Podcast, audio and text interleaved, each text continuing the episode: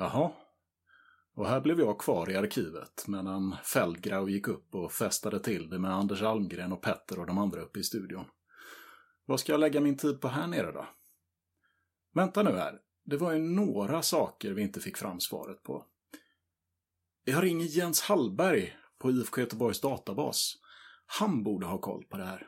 Ska bara hitta hans nummer. Ja, där har vi det.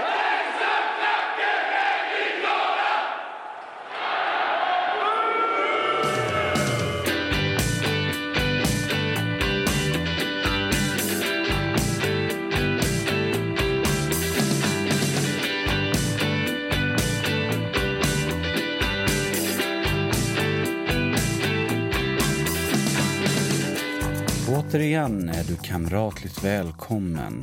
Det säger jag, Petter Wennblom och supporterklubben Änglarna. Vi kommer att prata vidare om blåvita nästen och festen i denna del två och bege oss till arkivet alldeles strax. Men först en tanke.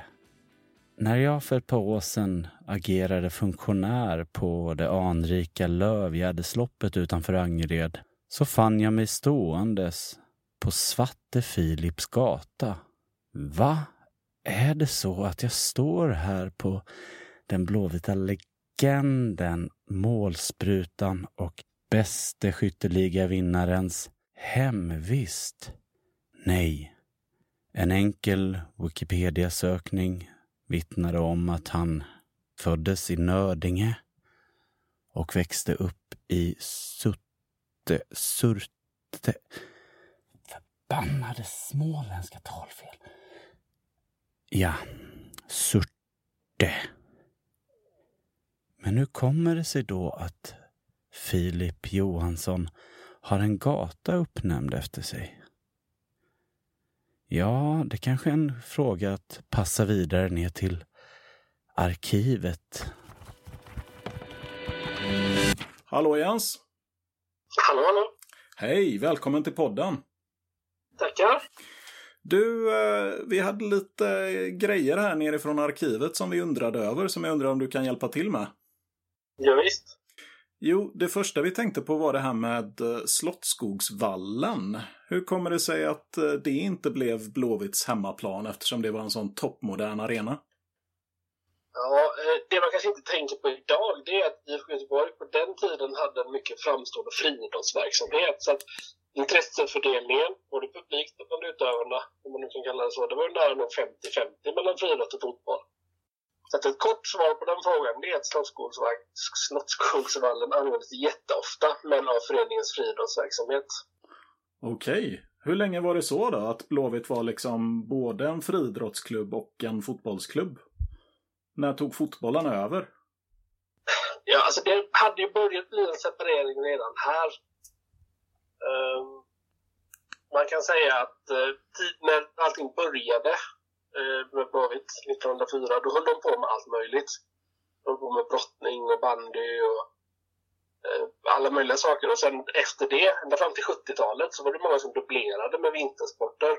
Men här någonstans, runt 1924, då, då gör man inte mer annat. Då kör man bara fotboll på sommaren om man är fotbollsspelare. Så du gör inte både friidrott och fotboll. Och där börjar ju någon sorts separering. Okej, det blir som en professionalisering kan man säga då, eller? Av spelarna som är med i klubben. Ja, i en högst amatörmässig mening så absolut. Man, man nischar sig helt enkelt. Ja. Hur kommer det sig att Slottsskogsvallen inte dög för fotbollen då? Ja, det var inte så här det var tänkt. För att 1923 så beskrevs nybyggda Slottsskogsvallen som vårt nya hem i medlemsbladet Göteborgskamraten. Och där tackar man i princip av Ullevibolaget för fina år men konstaterar att träningsmöjligheterna blivit för dåliga. Speciellt för föreningens breddidrottare. För det här är trots allt en period när vi har mot en 15-20 fotbollslag i träning och alla ska ha träningstider och spela olika distriktsserier. Jädrar, det är mycket folk. Det är mycket folk och på, på det får man lägga till att läget förvärrades betydligt efter att staden annekterat marken till Örgryte-ägda Vallhalla. Så det är hård konkurrens här om nyttjandetiderna. Just det, nu pratar du om Valhalla med W, rymdskeppet modellerat efter Anfield Road som vi nämnde här i, eh, sist vi var, Exakt. sist vi var i poddläge. Eh, ja, just det. Så den finns inte kvar. Men, men Blåvitt blåser alltså ändå i, i, den stora trumpeten och säger att nu kör vi Slottsskogsvallen och sen så flyttar man tillbaka omgående. Lite snopet kan jag tycka. Ja, men alltså en av främsta anledningen till att man vill flytta till vallen är att man vill hålla ihop olika föreningars olika grenar. Alltså man har ju börjat känna ändå att fotbollen och friidrotten har börjat glida ifrån varandra. Så nu vill man enas. Ja. Slottsskogsvallen ger ju fina träningsmöjligheter på mindre planer bredvid den stora. Så att match och friidrottstävling kan pågå samtidigt som flera av smålagen kan träna. Så att det låter ju jättebra det här. Så att när den väl invigs, då verkar det vara precis vad man önskat sig. Men redan när den första upplagan av Allsvenskan sparkar igång sensommaren 1924, då är man ju tillbaka på Ullevi. Hm, där ser man. Och, ja, men visst. Det är ju för att Slottsskogsvallen används därefter för att sparsamt av fotbollen, med undantag för när Ullevi renoveras. Och orsaken till att det blev så, det är egentligen flera. Slottsskogsvallen saknar till exempel inledningsvis sådana tidsenliga avklädningsrum, vilket fotbollsspelarna inte gillar. Utan de bedriver istället sin träning på Ullevi, där trycket tidigare minskat i och med att vallen kom till. Så att representationslaget får träna ensamma på onsdagar tillsammans med Gais eller Örgryte på måndagar och fredagar. Så det här med att det är ont om träningstider, det är liksom inget nytt för breddfotbollen i våra dagar, utan eh, det hade man problem med redan eh, för hundra år sedan. Det hade man stora problem med redan då. Så att... Men... Dessutom så visar det sig att Slottsskogsvallen med sina löparbanor är en utmärkt arena för friidrott, medan Ullevi trots allt är bättre lämpad för fotboll. Och då får man lägga på att föreningens supportrar inte längre främst kommer från Annedal, utan de är mer från centrala stadsdelar. Just det, det är det här som vi också har varit lite inne på, den här liksom flytten från, från Annedal och de västra stadsdelarna in mot centrum som Blåvitt gör med det här kansliet på Östra Hamngatan exempelvis. Återspeglar sig det också i, i varifrån medlemmarna kommer, eller? Ja, alltså tittar man i medlemslistorna så ser man att det finns betydligt fler centrala adresser här. Och bortser man från att föreningen sedan år två har utnyttjat centralt belägna exercishuset för vinterträning och att Heden därmed haft en central roll i föreningen sedan starten så har Blåvitt vid det här laget cirka tio år upplevt en förskjutning från Annedal mot mer centrala delar.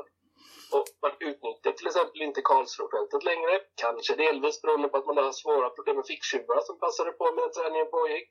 Ja, just det. Rövarnästet Annedal har vi ju snackat om tidigare. Gör själv för sitt namn här.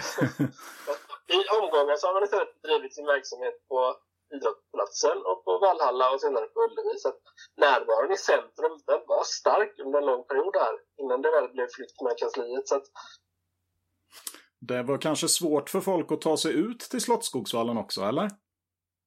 Ja, och ett exempel det är att i medlemsbladet så skrivs som föreningens kanske största supporter på den tiden, 77-årige J.A. Åsberg, som under årens lopp antagligen sett fler matcher än någon annan. Och under de här åren, 1923 och 24, så tvingas han dra ner på besöken för det är svårt för honom att ta sig till matcherna. J... Spårvagnarna inte går så ofta och dels att när de väl går så är det en rejäl promenad mellan hållplatsen och vallen.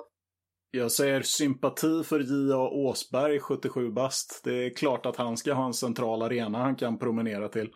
Men 70... ja, 77 år säger du, sicken krutgubbe. Jajamän, han var med i tre år till där.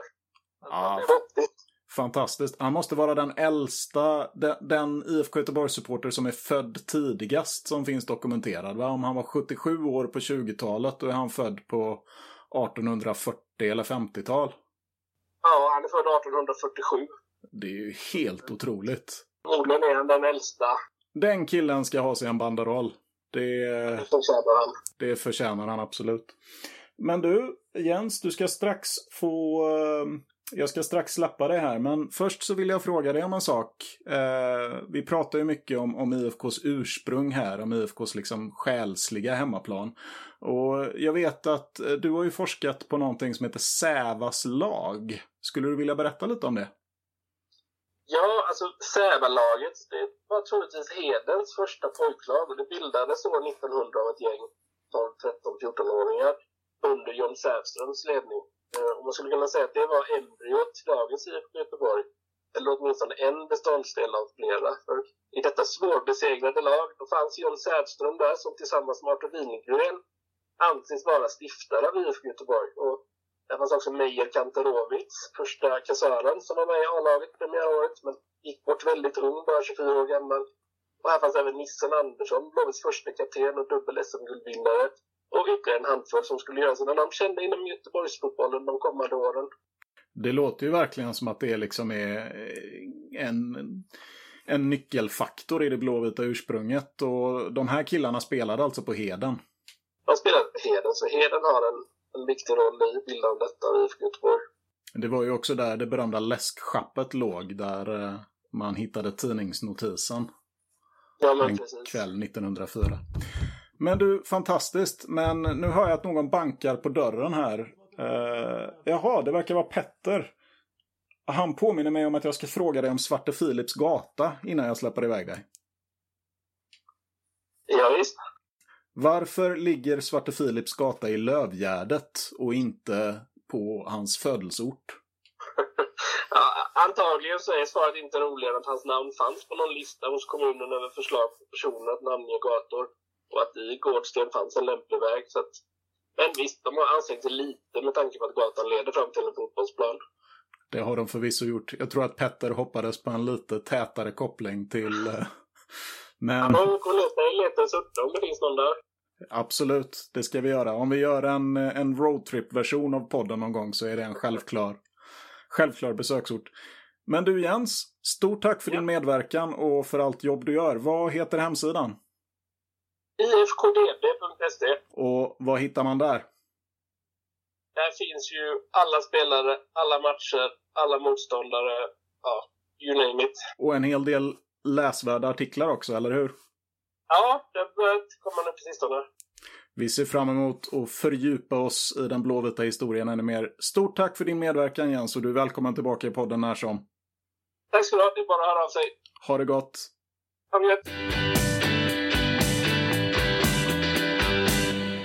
Jag tänkte, eh, jag är nyfiken på att spinna vidare på Gamla Ullevi spåret och kring placering och centralt belägen arena.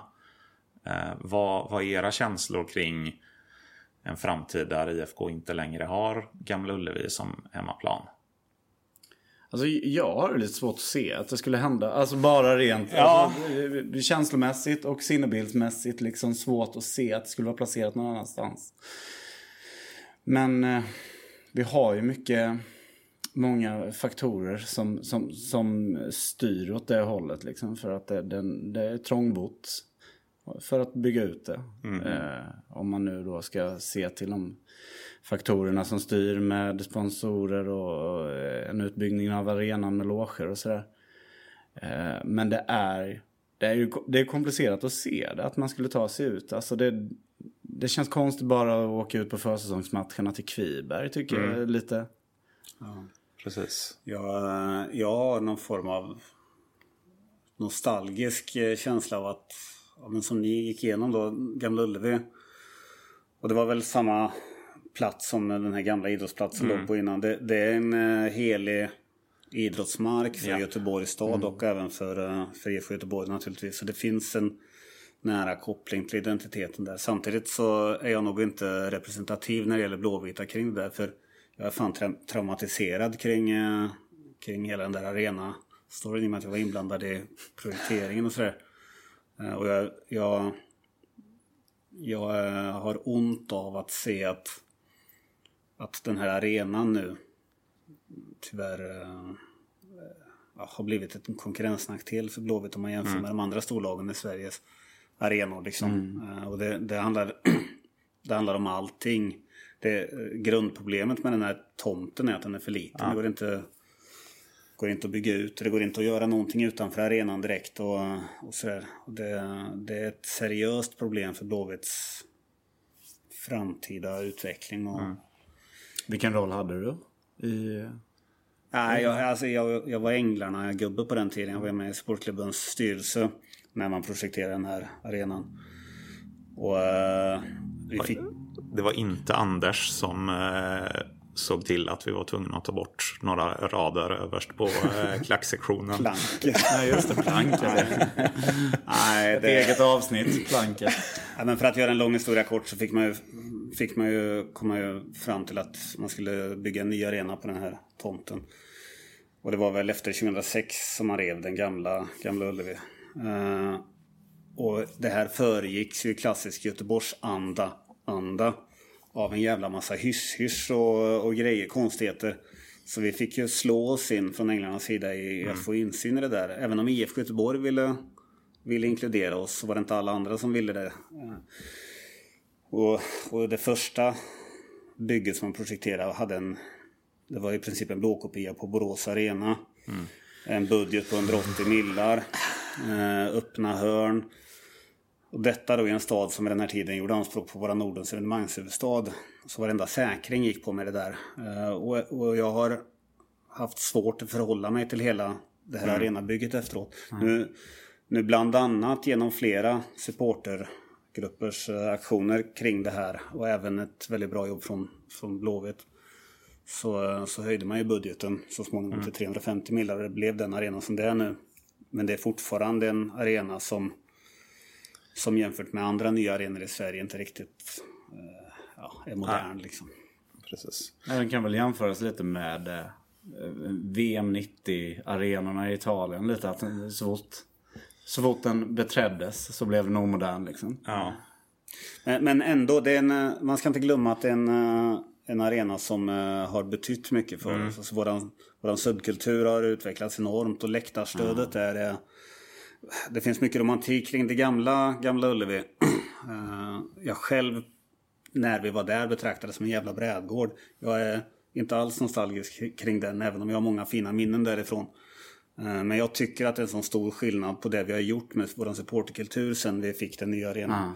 Så jag vill verkligen nyansera mig själv när jag lät negativ till arenan. Men Men det, Ja, samma här. För att jag, jag tycker ju om när man väl kommer in på Gamla Ullevi och ställer sig på läktaren och, och står där och sjunger. Att man, det, är ju, det är ju fotbollsarena över. det är ju ingen evenemangsarena på det sättet. verkligen, man, den är tight och man är nära planen. Så det, det finns väldigt mycket bra där. Men, men eh, ja, nej, det, det, jag kom att tänka på när du sa gamla, gamla Ullevi just att det här med hur, hur kär marken är så kan man egentligen undra över det när man kollar på hur sista matchen på gamla, gamla Ullevi gick till. Avslutningsmatch mot Halmstad 2006. Spöregn. Jag kommer inte ihåg om det var 4, 5 eller 6 tusen där. Och det var, det var liksom inget avslut ens. Folk var, var inte nostalgiska över att lämna den eh, platsen. Eh, Så om man ser ur ett modernt perspektiv om vi skulle flytta någon annanstans där det blir bättre så är frågan om hur man faktiskt, hur, hur känslomässigt det faktiskt hade, Ja, hade jag får erkänna varit. att jag, jag var inte där den sista matchen. Fast jag tror vi ska, när vi tänker på det så, hur stark en, eh, en plats eller en symbol, det behöver inte vara en plats, vi snackar om identitet och de här symbolerna för identiteten, det som bär upp viet, hur starka de blir för folk. Det hänger väldigt mycket samband med hur stark ens identitet är. Och vi ska komma ihåg att när detta hände 2006 så var, då mådde Blåvitt dåligt. Det var bara fyra år sedan vi kvalade neråt. Vi hade omvandlats från en klubb som bara ja, mindre än tio år tidigare låg åtta i, i Champions Leagues maratontabell och hade varit ett europeiskt storlag i 15 år till att bli ett lag då som höll på att åka ner. Och det här, på den tiden, detta är en av de största utmaningarna jag tror att vi har och som vi har haft väldigt länge nu. Det är att vi behöver sätta ner foten och fundera på vad fan vi är för någonting. Vi var vinnarna från 82 och framåt. Och alla re- relaterade till oss som det, inklusive oss själva. Eh, Men vi har aldrig riktigt hittat ett nytt starkt vi efteråt. Det är på gång nu med en ny stark subkultur och så här. Men 2016 när vi rev Gamla Ullevi. Då hade vi en, en svag vi-känsla. Vi, vi, vi var inne i en eh, identitetskris så att säga. Och, och jag tror det är där vi såg där. Jag tror egentligen att platsen Gamla Ullevi, eller Tom, ja, platsen och namnet ligger väldigt, väldigt nära alla göteborgska fotbollsmänniskors hjärta. Det- Ja, och, och sen får vi komma ihåg också att om, om man jämför då med hur ja, men Stockholmslagen då. Dels så tävlar de ju i vem som var mest sentimental i när de liksom skulle riva eller lämna sina. Så är det ju. Eh, Så är det. Och eh, sen så flyttade ju de också. Det gjorde ju inte vi på samma sätt. Utan det, var ju, det är ju samma mark. Mm, det är sant. Och det, det, har, det har ju en viss betydelse. Ja, det, jag tror inte vi, det där är... Jag, jag tror att jag har av pragmatiska skäl eh, kan jag tänka mig att ja, men vi behöver flytta, tomten är för liten eller så behöver vi riva tingsrätten och polishuset och ta hela marken. Men det, det kan eventuellt bli en utmaning att få igenom. Men, men, eh, men eh, jag skulle nog ha väldigt svårt jag skulle vara oerhört nostalgisk med att lämna. Det, Ja. tror jag. Och, och det gäller även namnet, även om jag även där inte är lika radikal som många andra. Så, eh, så det är klart att Gamla Ullevi och den platsen ligger väldigt nära hjärtat. Alltså. Ja. Sture Allén. Eh, Gjorde ett bra jobb för sina pengar. Denna hjälte. Värt varenda krona. ja, medlem i... Ja, han fick 60 000 kronor för att bestämma namnet på. Eller det var kanske mer. Ja, det var nog... Ja, precis. ja, ja, jag läste nog 80-90 någonstans. Eh, Jag har ingen aning. Men... med i... Eh, sitter i Svenska Akademin. Eller satt i alla fall. Ja. Ja, han har ju varit med i ett litet drev här nu. Undrar vilket som var störst här. Men, eh, Ja. och eh, det, var, ja, men det var rätt kul för att eh, efter den här historien då att han, han får eh, ett arvode på ja, me mellan 60 och 90 000 kan vi säga då. Och eh, bestämmer sig till slut efter noga övervägande att ska heta Gamla Ullevi. Och eh, det tas ju emot ja, med, med en glädje ändå liksom Ja, att, att det behålls. det- Sen, sen blir det ju lite, blir han lite av en driftkucke då att det ska ge- genomföras ett arbete. Jag kommer ihåg att det var någon som skrev att eh, det inoff- inofficiella namnet skulle vara Stureplan efter det. Då. fanns många Göteborgsvitsar. Ja, precis. Jag tror att många göteborgare med någon form av koppling till idrotten i stan är glada över det. i alla fall. Ja. Eh, Så jag, jag ser de pengarna mest som process för att legitimera att Ja. man behöll namnet. Precis. Och Johan, gamla, gamla Ullevi, vad har du för relation?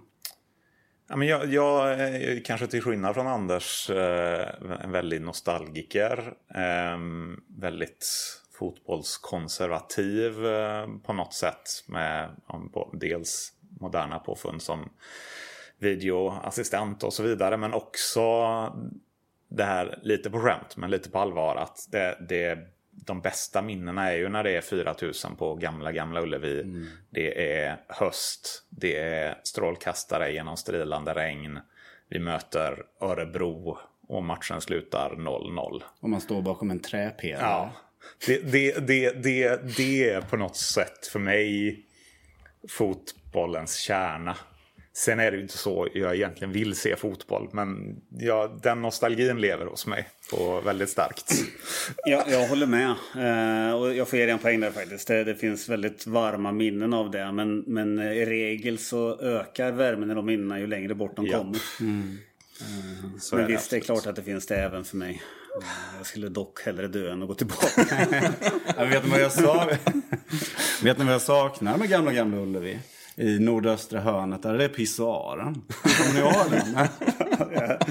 Extremt märkligt. Ja, men kommer ni inte... Den var ju oerhört charmig. Liksom, att man gick in i... Nej, men det, som jag minns det, någon slags viktorianskt bygge. Och stod där i en, i en kvadrat. Och, Ja. ja, minnena.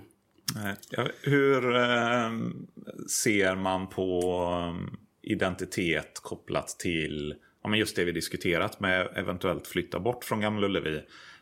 För där är man, man känner mycket känslor kring att nej, det skulle aldrig funka att ha en arena utanför stan och samtidigt inser, man att ja, men säg 95% av alla klubbar, Sverige och utomlands, har en arena som inte alls ligger centralt. Speciellt nu på senare år i Sverige med men Fredrik Skans finns inte längre hyfsat centralt. Stockholmsarenorna finns inte längre centralt. Malmö f- drar sig längre och längre bort från centrum. och så vidare. Ja, Ma- Ma- Malmö är fortfarande 20 hyfsat meter vi pratar om. Det är ändå ett steg. Jag menar att åker man utomlands på, på Europamatcher till exempel, eller om man åker utomlands bara för att följa fotboll så alltså det är ju ute i industriområden och ute på nästan landsbygden som man besöker när man, när man ser de matcherna. Och ändå verkar det ju funka. Så, Men är det något speciellt med oss som gör att det inte skulle funka? Ja, jag vet inte, man kan bara spekulera. Göteborg har väl haft någon slags ambition om att behålla ett stort evenemangsstråk där nere. Så som stad betraktat så har det funnits någon form av värde i det. Och, och återigen som stad betraktat så, så gynnar det ju såklart eh, näringslivet inne i stan. Att, mm. För jag menar, ligger, ligger arenan så centralt då, då går det knappt att sätta upp en fanlärden liksom. Eller, eh, för folk går hellre på en riktig pub då. Men men jag tror att eh, alltså på sikt så är det nog nödvändigt att, att eh, tänka i termer av ett behov av en ny arena därför att den mm. inte är tillräckligt modern. Eh, och det är nog en konkurrensnackdel gentemot de andra storlagen i Sverige. Och mm. då är det bara att konstatera att tomten är för liten. Det går inte att mm. bygga en stor arena där med möjlighet att agera utanför eller för den delen över tid bygga ut. Man ska komma ihåg att kvadratmeter är hårdvaluta när det gäller arena. Inte minst för att ha flexibilitet. För om vi skulle bygga nytt 2028 så mm. kommer vi ha nya behov 2038. Mm. Eh, och då är frågan bara var skulle man kunna lägga den? Det har ju snackats en massa, ni vet Mölndal och sånt där ja. genom åren. och jag tror att många nog skulle ha, det skulle skära hjärtat att inte ligga i Göteborg. Mm. Ja. Eh, men det finns ju områden även i Göteborg som man skulle kunna tänka sig. Eh, något som låter extremt skärmigt men som förmodligen inte går är ju om någonting skulle hända med Slottsskogsvallen om man bygger nytt där. Mm. Ja. Men det går inte heller för då skulle man förmodligen behöva gräva upp hela Slottsskogen. Ja. Vad, vad, tror du då som ömsom supporter, ömsom pragmatiker? Om, om det går att beblanda de två eller om du... ja, men det, jag, jag, tycker, jag försöker förhålla mig till det för att jag ser ibland den här konservativa ådran som du refererar till som vi ofta har som, som supportrar. Jag tror att den måste vi våga göra våld på ibland om vi ska kunna försvara de allra viktigaste värdena. Mm. Uh, och och jag skulle väl kunna tänka mig att till exempel Kviberg är ett, ett område som ännu mm. så länge finns stora ytor på. Som vi mm. har börjat eh, förknippa med Blåvitt på grund av akademin och, och PSA och så här. Änglagårdsskolan. Ja, verkligen. Eh, så det finns en hel del Blåvitt-koppling där ute. Eh, och där skulle jag väl kunna tänka mig att eh, man skulle kunna sänka i den blåvita identiteten mm. i ny arena så småningom. Mm. Ja, det känns på något sätt ett naturligt steg att ta och ta, ta en mark där man redan har en eh, hyfsat stark koppling. Mm. Då kanske folk, inklusive mig själv, accepterar det på ett annat sätt än om det skulle bli Mölndal eller om man skulle återuppliva 30 och 40-talsplanerna om Sävedalen mm. eller eh, ja. Det, jag, jag hade ju en dröm om eh, Eh, en arena där eh, gamla SVT-huset låg. Alltså nästan precis ja, innan eh, man åker upp mot Kamratgården. Ja, det hade ju precis. varit fint. Med Delsjövägen där. Precis, men det hade nog inte funkat. Dels för att man ville bygga bostäder där och dels för att kanske kommunikationerna dit är inte jättebra om det ska åka 20 000 personer på en spårvagnslinje och inga bussar. Ja, då hade vi fått ett Malmö FF-likt förhållande, att det är cykeln mm. som gäller. Precis. Nej, det, och det är ju jätteviktigt i ett nytt arenabygge att tänka på infrastruktur och logistik. Både för att kunna ta sig ut men även för att kunna hantera alltså rivaliserande spår. Mm. Ja. Precis. Uh, och, och, det är väl också en sån här grej som gäller både alltså Delsjöområdet och uh, Kviberg nu. Att det, det, finns även infrastruktur i termer av uh, pubbar och sånt som man behöver fundera ja. på. Liksom. Mm. Um, men visst, det, jag, jag, tror att uh, nödvändigheten oavsett vad vi tycker om det som supporter oavsett hur nära Gamla Ullevi ligger ens hjärta mm. så är det någonting som om inte vår generation blåvita så någon generation blåvita kommer tvingas förhålla sig till förr eller senare för, för att vi inte ska bli uh, fullständigt omkullsprungna. Mm. Du eh, Johan. Mm. Eh, vi har en så kallad oplockad gås. Okej. Okay. Jo, det är nämligen så att när, under tiden som ni har suttit här i, under här i arkivet så har jag gjort något annat. Eh, surfat kallas det för, men inne på internet. Och, ja, du är ju gammal bloggare. Ja, ja, en gång i tiden var man ju det. Ja, och eh, jag kollar in lite i dina gamla blogginslag där du bland annat skrev eh, att du inte kan förstå hur man kan hålla på ett ett eh, lag vars stad man själv inte är ifrån. Jag känner mig lite utsatt här nu med en smålänning och en äh, västgötabo. Ja, nu sitter, du, nu sitter du med personer från Värnamo och Lidköping. Mm. Ja, det, det, var väl egentligen inte så hårt skrivet tror jag. Nu försöker jag släta över det här. Nej, ja, när, när, man var lite mer kontroversiell eh, och ville skapa kontrovers så eh, Eh, skrev eller någonting i stil med det. Att man aldrig riktigt ble, kan bli lika blåvit om man inte är född och uppvuxen eller om man inte bor i Göteborg. Eh, jag vet inte hur jag ska försvara detta längre. Nej, det, det, det är väl egentligen, tänker jag, inget konstigt och verkligen inte menat som någon eh, kritik mot någon annan. Eh, det handlar väl allmänt om oavsett vilket sammanhang man är i. Ju mer man har upplevt desto mer är man med i gruppen. Har alla de här faktorerna med sig som påverkar en identitet eller mm. en del av en identitet egentligen. Men samtidigt så sitter jag ju idag med ett, det närmsta kompisgänget eh, blåvita som de allra flesta inte är från Göteborg. Mm. Ehm, det är väldigt tve, tveeggat. Jag, jag har alltid haft en liten, liten aversion mot Erik Niva. Som är en fantastisk fotbollsskribent. Men någonstans så, så eh, känns det fel att han skriver om engelsk fotboll. Det är det mest provo provocerande jag hört. du skriver alltså inte vilken gud. Sluta aldrig med det du gör. Och... Tänk, tänk, om man hade haft eh, lika brinnande passion för eh, lokalfotbollen. Vilken fantastisk skribent mm, vi hade haft om, om svensk lokalfotboll där. Ett litet sidospår men eh, det är väl egentligen tank, tankemässigt. Det, det handlar ju all, jättemycket om i dagens supporterkultur också. Support your local team och så vidare. Mm. Um, det är väl någonting intressant att kolla på. Samtidigt som, som kan nästan läsa från Vi som är från Göteborg boken där epilogen egentligen eh, skriver att, och som jag håller med om, att den blåvita läktaren välkomnar alla som sjunger med i som är från Göteborg och åker aldrig hem med sorg.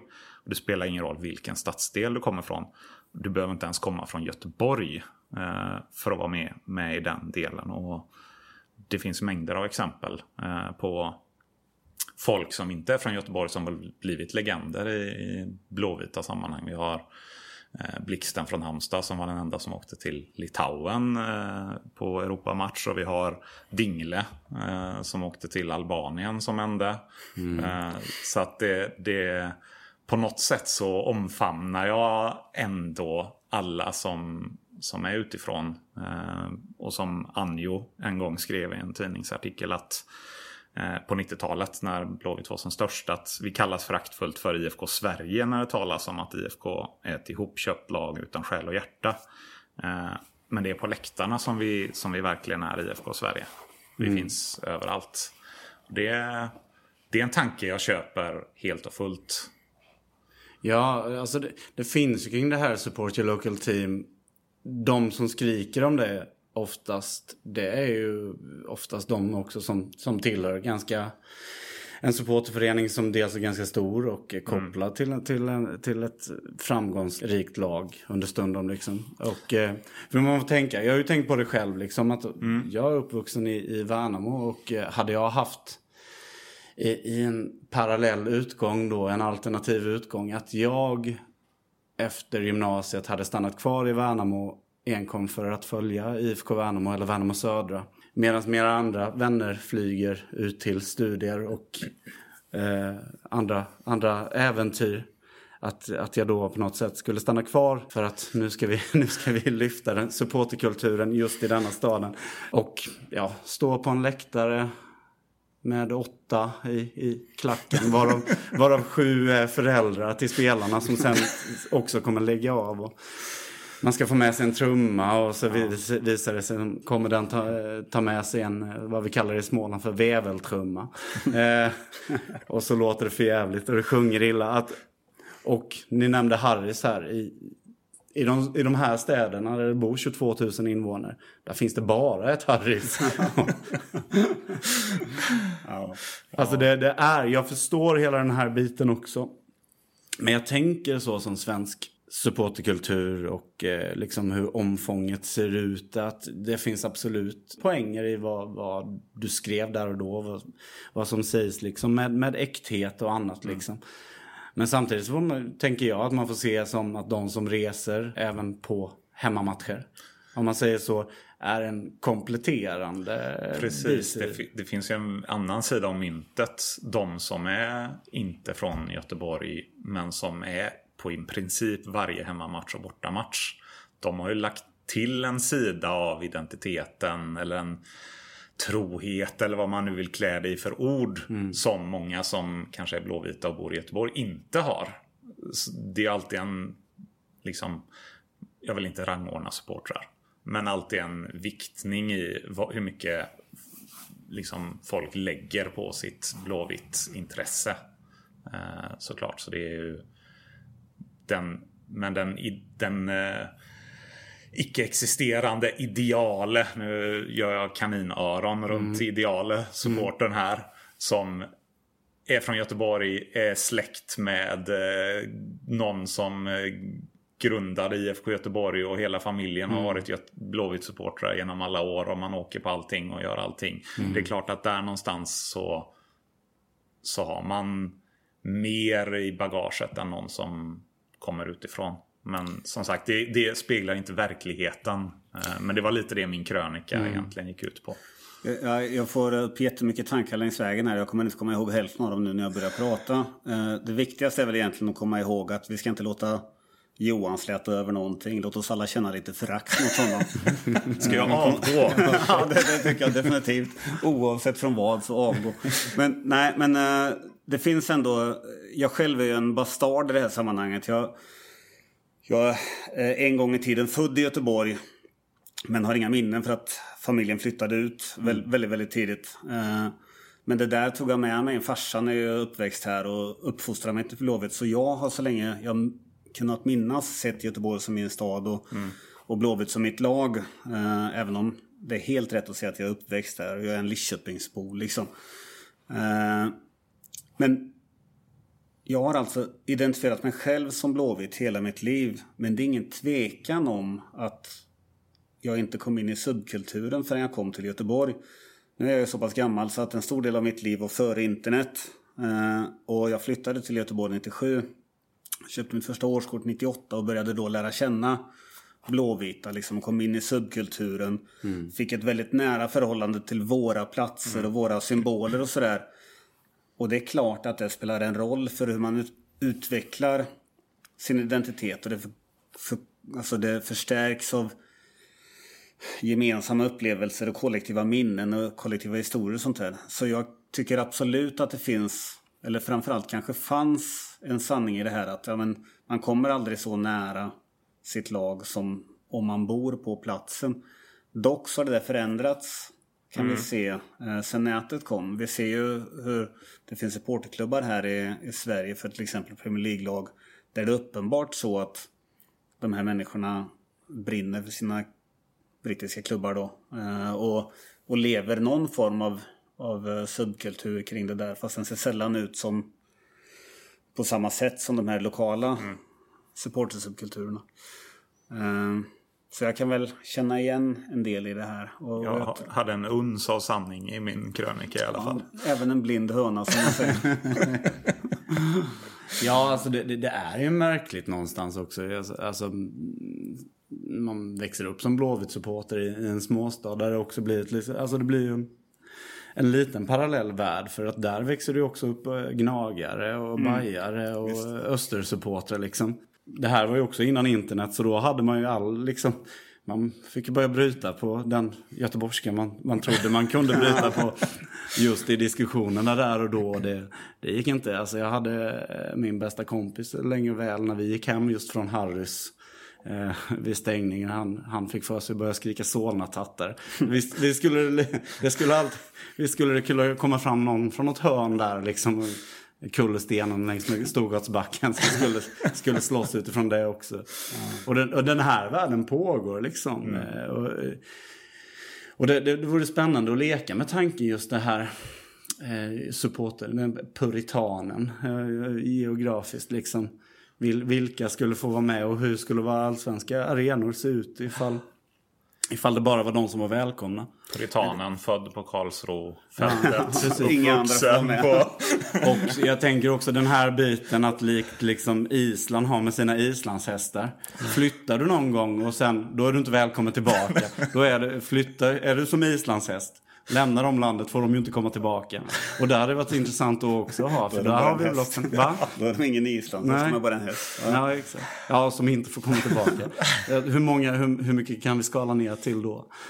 Ja, nej men alltså man ska komma ihåg att när vi snackar om detta så är det ju framförallt subkulturen som kanske håller på med det här. Och subkulturer är alltid, vågar jag påstå, mer eller mindre elitistiska. Vi sitter mm. och kan å ena sidan slå oss på bröstet och säga att vi är väldigt välkomnande och det är mm. vi. Vem som helst får vara blåvit och är man trogen sitt lag så är man förr eller mm. senare mm. välkommen på läktaren också. Eh, men, men vi är också rätt bra på att, som du var inne på Johan, rangordna eller skapa hierarkier och mm. sådär. Mm. Och, eh, och eh, det där skulle ju kunna vara en sån sak. Ni nämnde support your local team. Jag själv uppfattar inte det riktigt som att, som att det skulle ha med den här diskussionen att göra egentligen. Utan Nej. snarare ett uttryck för den här motståndet mot fotbollsindustrin eller underhållningsindustrin ja. som säger att vi borde kolla på Serie A och, och La Liga istället för, för vår egen fotboll. Mm. Så egentligen kanske man skulle, borde prata om Support Your National League eller något istället. Ja. Precis. Nej, jag håller med dig om att, att just uh, supporterkulturen här i IFK Göteborg är väldigt välkomnande och roligt att härleda där till uh, till alla de här smeknamnen eh, som också då har. Jag, jag minns när, när du och jag träffa, träffades Johan. Jag minns i, också det. I, i Gliwice. Eh, och stiftade bekantskap för första gången så envisades du både kalla mig och säg, eh, introducera mig som Värnamo. Ja. att, att, att, att, det inte flög är jag ganska tacksam för ändå. Men om ni träffar Petter, kalla honom gärna för Värnamo framöver. så att det... Tur att man bara är ett radioansikte hittills. Har du, har du haft något sånt smeknamn som kopplar till eh, just Lidköping eller eh, Västgöta slätten på något sätt? Ja, alltså jag har haft... Uh... Du inte vill säga det? Nej, det där har jag inga problem med. Men det, jag har haft andra smeknamn som kanske fler relaterar till som jag tänker nämna här. Men uh, ja, jag har fått uh, dels en hel del tråkningar för att vara bonde förstås. Ja. med hänsyn till min rikssvenska. Och sen hade jag en väldigt rolig episod när vi tycker jag i efterhand i alla fall. Eh, när vi eh, genomförde den här bojkotten mot Gais eh, inför första derbyt ja. på Gamla Ullevi 2009. Ja, kopplat till biljettpriser va? Precis, de, eh, de vill ju driva på den moderna fotbollen där lite grann. Eh, och eh, i det sammanhanget så blev jag ju inte mest populär bland, bland Gaisarna såklart. Så då såg jag på något av deras plank att det var någon som kallade mig för Bert Karlssons son. Man får ändå ge dem någon poäng för det där. ja, jag vet inte om det var det mest smickrande jag har hört. Nej, Nej men det, det, finns ju både som vi nämnde nyss med, med Dingle, smeknamn från ja, men, på kända supportrar om man vill kalla det så som, som får smeknamn från var de är från Dingle och Motala och vi har Laholm och vi har ju längre bort från Göteborg man kommer så får man mer och mer generiska geografiska namn. Till slut blir man kanske en hel landsdel eller man blir ett helt land. Jag vet inte om det är någon som kallas Finland i eh, våra supporterled men det skulle inte förvåna. Och ju närmare Göteborg man kommer desto mer specifika är det. Då är det ner på stadsdelar eller kanske till och med ja. gator som, som mm. man får smeknamn från. Men smeknamnen är viktiga i, i Göteborg i stort men också i Blåvitt supporterkultur. Precis. Det, jag gillar att det lever kvar. Lite mm. gamla tiders Göteborg. Ja. På något sätt. Ja, det finns en charm i det och det är dessutom en sån här... Nu, nu, är jag väldigt nördig med min sociologi men det, det, när man lär känna de här smeknamnen så är det även en, en, eh, markör för att man är inne i mm. subkulturen. Okej. Värnamo. Jag tar det. Bra. Skinnet, Pipan, lammkotletten, Öland, Kvitterahamnsmåttet, Råttjägaren, Sonny Liston, Snoddas, Nötknäppar, Piss i huvudet, Exilbjörnen, Femöringen, Skäddegarnet, Björken, Wellpapp. Produktig, Skuggan, Maupi, Puddingen, Höstnöt, Folklick, Trampa vatten, Loppe, Snoppen, Visa mitt jobb, Domaren, Skattelinjen, Tjuven i Bagdad, Manolito, Löfbergs Lila, Fyringen, Pinchen, Frukostklubben.